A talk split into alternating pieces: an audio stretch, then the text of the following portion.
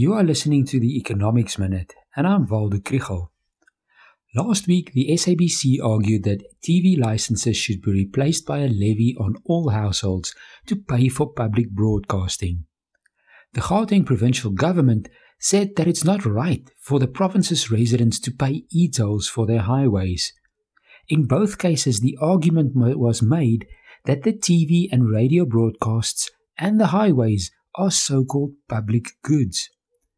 Public goods are financed from the state coffers because they are supposedly non rival and non excludable in consumption. Non exclusion means that if you do not want to pay for the use of a product or service, it is impossible to stop you from using it anyway.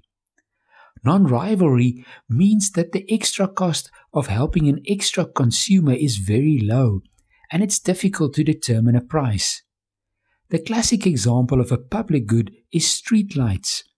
You cannot really charge someone a price for his use of streetlights.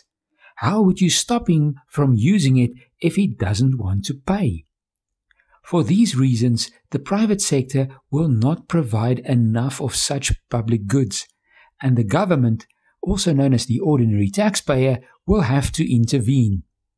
But are the SABC and the highways such cases? Gauteng highways are certainly not non rival in consumption. More vehicles on the road have the congestion cost of time wasted in traffic jams. And technology makes it possible to make only the users pay.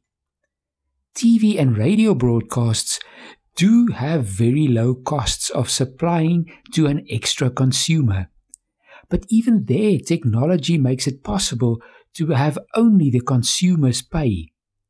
It is exactly how MultiChoice and the streaming services do business.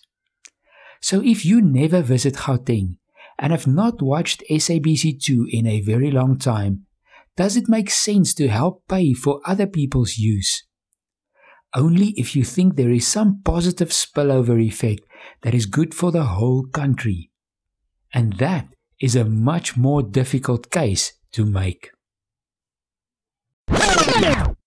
If you want to learn more about the economy, follow the Econ 101 page on Facebook.